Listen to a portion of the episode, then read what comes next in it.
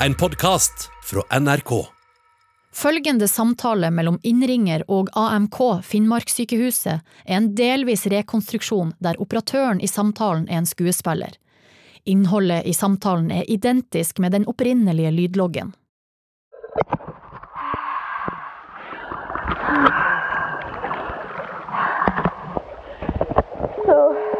Okay, try and breathe, babe.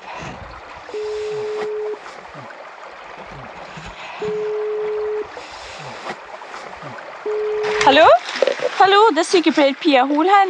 Hva er det som skjer der, da? Vi har eh, kjørt motorsykkel og kjørt oss av. Kom plutselig til en elv i stien vi kjørte på. Er han skada der bak? Han eh, puster fint, men han har slått seg på magen. Og han sier sjøl at det kjennes ut som det er noe som renner i magen hans. Tiden forsvant bare. Ja. Så var det bare en elv her. Ja. Vi rakk ikke å i det hele tatt. Ja. Vi skal hjelpe dere. Det går bra. Tusen takk. 31. august 2020 legger kjæresteparet Pia og Kenneth ut på det som skal være deres livs eventyr. En reise fra Nordkapp til Cape Town på motorsykler. Jeg tenkte det hørtes helt vilt ut. Så, eh, Da må jeg være gæren for å i hele tatt tenke tanken om å gjøre en sånn tur. Jeg var i lufta og bare venta på hvordan jeg skulle treffe. Nei, jeg har hatt et greit liv frem til nå. Trenger ikke mer. Skyt meg.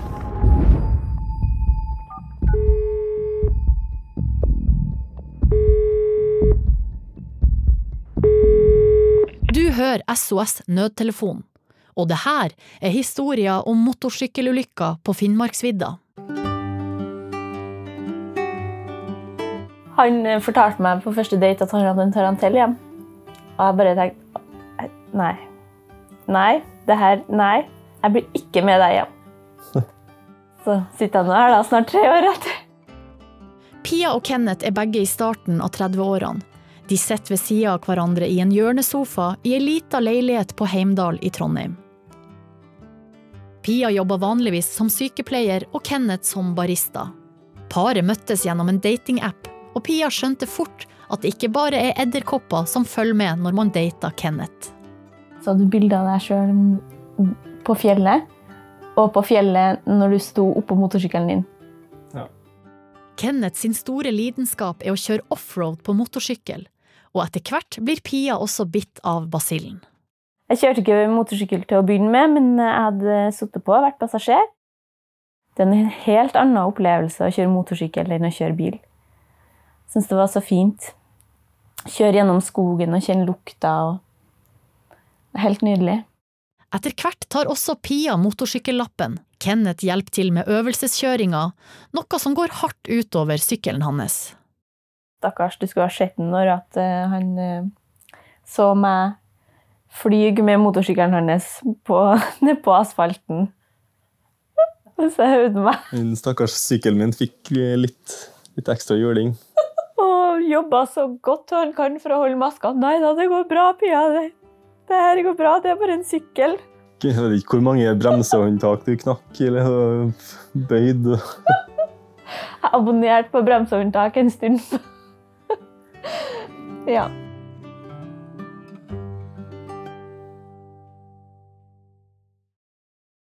Vi hadde diskutert hvordan type liv er det vi ønsker. Ønsker vi det livet vi har nå, der vi går på jobb, eh, tjener penger for å betale for en leilighet som vi bor i og sover i halve døgnet for å gå på jobb igjen og gjøre det samme om og om, om, om igjen? Eller ønsker vi et liv der vi når vi er gamle, kan sitte og tenke tilbake på alle eventyrene vi har vært ut og gjort, opplevd?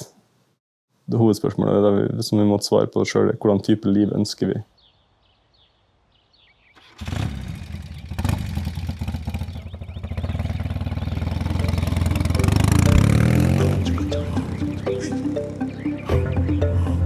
Drømmen min om å kjøre motorsykkel til Cape Town starta etter at det hadde skjedd uh, Ewan McGregor sitt program.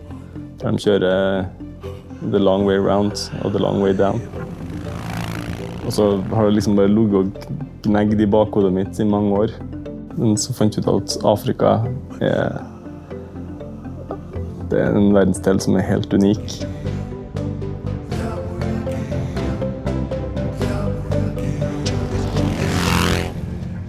En felles drøm begynner å ta form for paret. De skal bruke nesten to år på å komme seg fra Nordkapp til Cape Town. De skal kjøre Trans Eurotrail, som er et nettverk av grusveier som går gjennom hele Europa. For å dokumentere eventyret sitt oppretta de YouTube-kanalen Ride the Bean. Hi, my name is Kenneth. And I'm Pia. Life seems to happen outside comfort zone, right? And we'd like to share some of our experiences with you guys. So, we decided to take you along with us and film it. Since we like being outside so much and, uh, and going places, we need a way of getting there. And what better way than uh, on the back of a motorbike?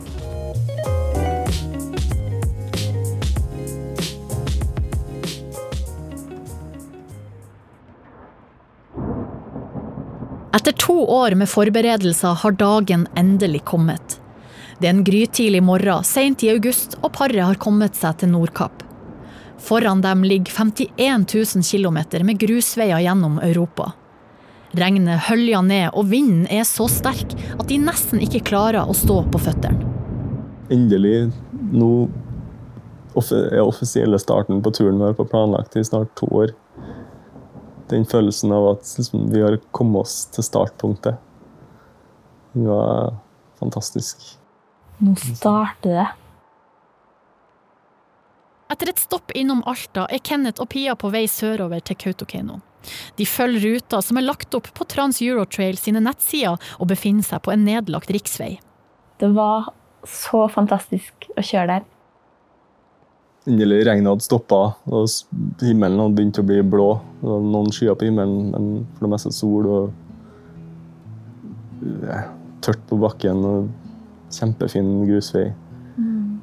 Vi kjørte liksom gjennom ulikt terreng, først ned i skogen, forbi noen innsjøer og litt sånne ting, og så opp på vidda. Så masse reinsdyr. Men når vi kjører grusveier, så er det gjerne litt mer inn på vidda, og litt mer avsidesliggende. Du får oppleve ting på en helt annen måte. Oppleve naturen på en helt annen måte. Dagen blir til kveld, og de blir enige om å lete etter en plass å slå leir. Etter ei lita stund kommer de seg til et mer krevende strekke. Det paret ikke vet, er at de nå beveger seg mot det som skal snu hele reisa på hodet, og gjøre den gode drømmen om til et mareritt. Klokka begynte å nærme seg sju. Vi tenkte vi slår leir, og så tar vi det med ro i kveld. Eh, og så står vi opp tidlig og fortsetter i morgen tidlig. Eh, så sa vi ja, vi begynner å lete, lete etter camp om et kvarter. Jeg kjørte først. Det var en lang strekke foran oss som var Som så kjempefin ut. Lang strekke, god sikt. Ehm, Det var to sånne dumper i veien. Ikke bakketopp, men bare en liten dump, nesten som en fartsdump. Da jeg kom over den andre dumpen, så så jeg at på andre sida av dumpen så var det, var det ikke noe å se. Og jeg var i lufta. Jeg rakk å kjenne og være bekymra for hvordan vi skulle lande, og bare venta på hvordan jeg skulle treffe. Hullet i bakken kom så fort ut av intet at jeg rakk ikke å, å advare Kenneth.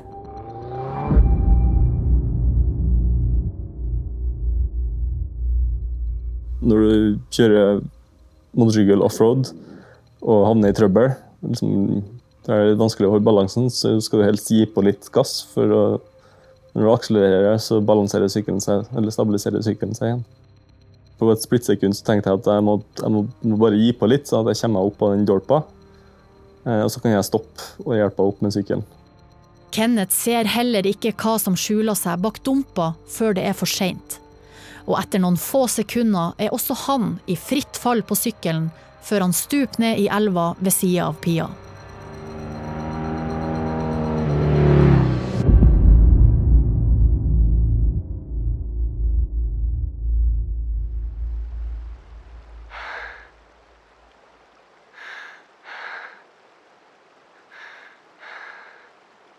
Det neste øyeblikket jeg husker, egentlig, at jeg lå på alle fire.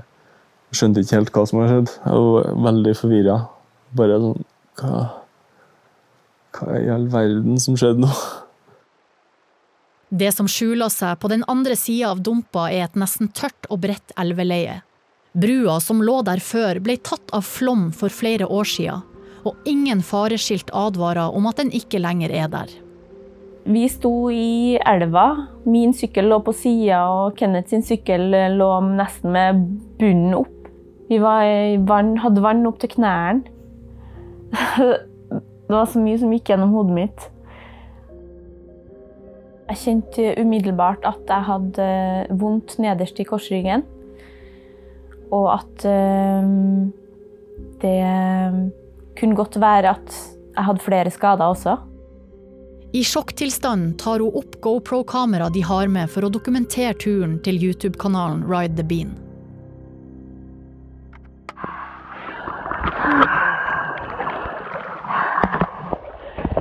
So, okay. You're breathing. That's good. Han var så treg. Han reagerte ikke sånn som eh, Jeg syns ikke han reagerte logisk i det hele tatt. Du gikk rundt i, i elva der fram og tilbake. Jeg sa at du måtte gå og sette deg. Det var ikke, det er ikke noe å gå her for. Men det tok en stund før du, det sank inn til deg. Ja, jeg tenkte liksom at jeg måtte ta ting av sykkelen og sånn, men jeg, jeg klarte ikke, å- klarte ikke å strekke ut overkroppen. Og så ble det bare vondere og vondere i magen. Sånn skikkelig intense magesmerter, og så klarte jeg ikke å trekke pusten ordentlig. Og så ble det liksom For hvert minutt så ble det verre og verre.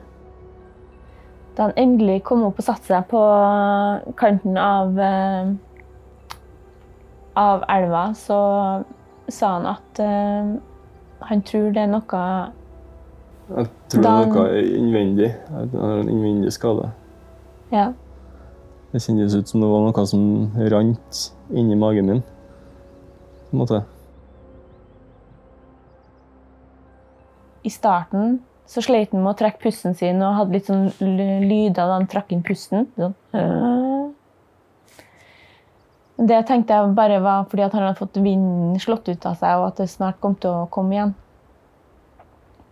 Men når han sa det at det var noe som rente inni den, så skjønte jeg at det, nå trenger vi hjelp. Alvoret begynner å gå opp for Pia. I jobben som sykepleier har hun sett og opplevd mye, og nå mistenker hun at det kan være snakk om indre blødninger. Hun vet at det haster med å få hjelp. Pia ringer 113.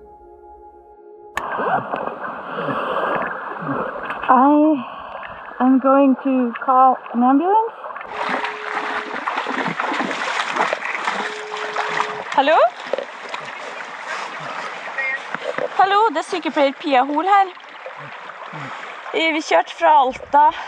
Eh, Kjæresten min holder på å finne plass på GPS-en.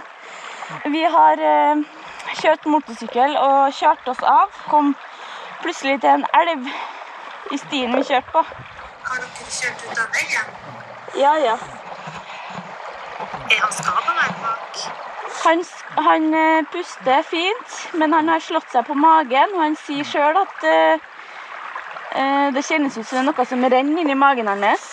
Lokasjonen vår er N69 grader. 29.9894. De sitter ved sida av hverandre på elvebredden og venter på hjelp. Kenneth har fått beskjed om å ikke bruke pusten sin på prat. Han sitter i stillhet og prøver å holde ut de enorme smertene. På filmen kan vi se at Pia hakker tenner. Hun er gjennomfrossen fra det kalde elvevannet.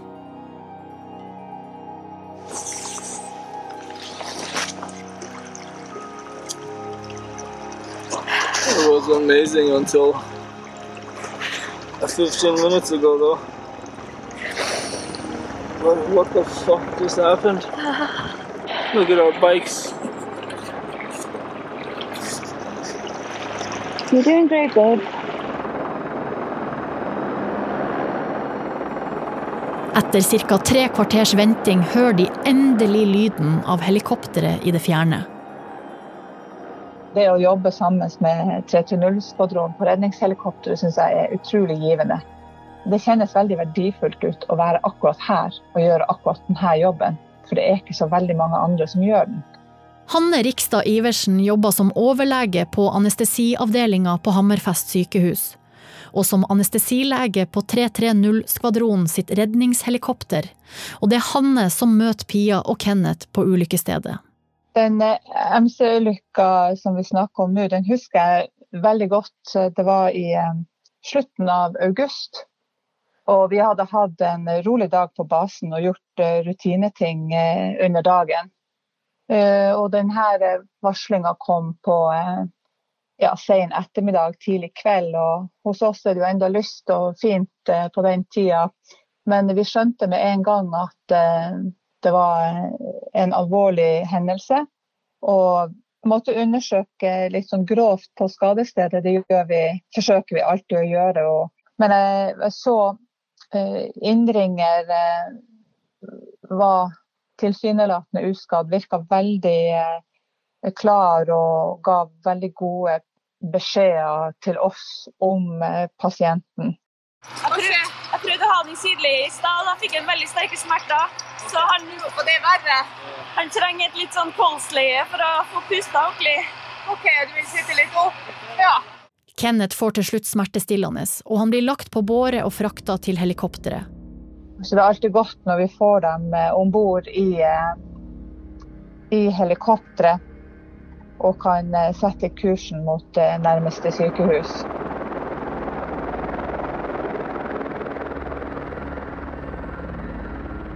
Og mens Kenneth skulle ut av helikopteret, så, så prøvde jeg å si noe som skulle trøste meg sjøl litt, og han. Eh, og da, da, sa jeg Jeg ser at du ikke har det bra, men du ser ikke ut som en død fisk. Og det er et godt tegn. Så et lite øyeblikk seinere så tenkte jeg Var det her det siste jeg sa til han? Kenneth blir lagt i kunstig koma og trilles inn til en fem timer lang operasjon. Jeg så for meg et scenario der jeg fløy hjem til Trondheim alene. Og da visste ikke jeg helt hvor jeg skulle ha gjort av meg hen. Jeg tenkte en del på at uh, det ikke nødvendigvis kom til å gå bra. Legene undersøker bruddet Pia har i ryggen, og hun slipper operasjon, men får beskjed om å holde seg i ro. Dagen etter må Kenneth fraktes videre til sykehuset i Tromsø. Han trenger flere operasjoner om de skal klare å berge magen hans. Jeg hadde fått et veldig kraftig slag eh, i magen da jeg krasja med den steinen. Det hadde slått høl i tykktarmen min, et ganske stort høl, og et veldig stort høl i tolvfingertarmen, og skada deler av eh, tynntarmen min. Etter flere operasjoner og fire dager i koma våkna Kenneth til på sykehuset. Men marerittet er ikke over. Han er i store smerter etter operasjonene, og de sterke medisinene han blir satt på, påvirker han kraftig. Jeg lå på intensiven på sykehuset i Tromsø, liksom, jeg var jo sånn inn og ut av bevissthet egentlig hele tida. Eh, jeg, så syner og så dobbelt, og liksom, jeg var ikke helt klar. Eh, men spesielt på nettene så hadde jeg sånne helt insane mareritt der jeg Når jeg hadde øynene åpne, så så jeg ting som beveget seg i rommet og på veggene. Det så ut sametegninger for å danse på veggene. Eh, og når jeg lukka øynene, så var jeg plutselig i eh, enten i en epic i Hollywood eh, sånn kampscene, eller jeg var plutselig på en Lego-film. Det var Lego-cowboyer som slåss. Og for Hver gang jeg åpna og lukka øynene, så var jeg på en ny plass. Jeg tror faktisk sånn, Jeg har egentlig aldri vært redd i hele mitt liv, men det er egentlig første gangen jeg har følt frykt. For jeg forsto ikke helt hva som foregikk. Jeg var klar nok til, at, til å vite at det her er, det er noe galt. Det her er ikke virkeligheten.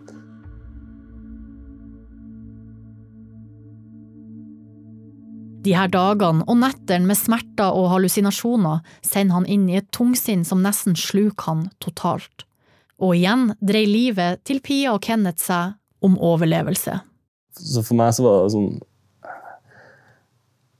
jeg, det, det, er ikke verdt å fortsette. Det gjør så mye Jeg har så vondt nå, og det ikke Selv om det her kanskje kan gå over en eller annen gang i framtida, så er ikke jeg villig til å gå gjennom det her for å komme meg ut om et år, eller inni mitt eget hode, så, så hadde jeg på en måte innfunnet meg med at nei, jeg har hatt et greit liv frem til nå.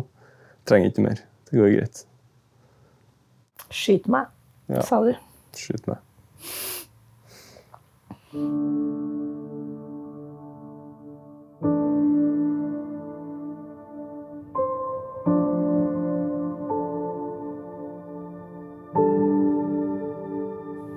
Føler på veldig mye angst for hvordan det skal gå med Kenneth. Om han i hele tatt skal klare seg. Komme seg gjennom det. Være seg sjøl igjen i etterkant av ulykken. Jeg føler meg veldig alene. Pia tar kontakt med MC-miljøet via ei Facebook-side. Hun informerer om hva som har skjedd, og spør om noen kan hjelpe henne å få frakta bagasjen deres til Trondheim. Hjelpa melde seg med en gang. Mora til en venn av en i den gruppa, Margrethe, hun kjørte til sykehuset og henta klær og koffert og alt mulig styr som hun sendte i posten. To runder kom hun til sykehuset for å få med seg alt. Og hun sørga for at det kom trygt hjem til Trondheim. Jeg har ikke truffet henne, jeg har ikke sett henne, jeg har ikke Men det er bare fremmede som ordner opp og hjelper. Pia blir helt overvelda av hvor hjelpsom MC-miljøet er. Vilt fremmede som legger alt til side for å stille opp for dem. Etter seks uker på sykehuset er Kenneth litt bedre, og de siste dagene av oppholdet klarer han å spise igjen for første gang etter ulykka. Min del så jeg har aldri i livet ville komme hjem der uten hjelp fra Pia. Så hadde det ikke vært for henne, så hadde jeg fortsatt ligget i elva. Jeg har ikke kommet til å tenke på å ringe engang, så jeg har sikkert omkommet på stedet hvis jeg har vært, vært alene. Så Du redda livet mitt.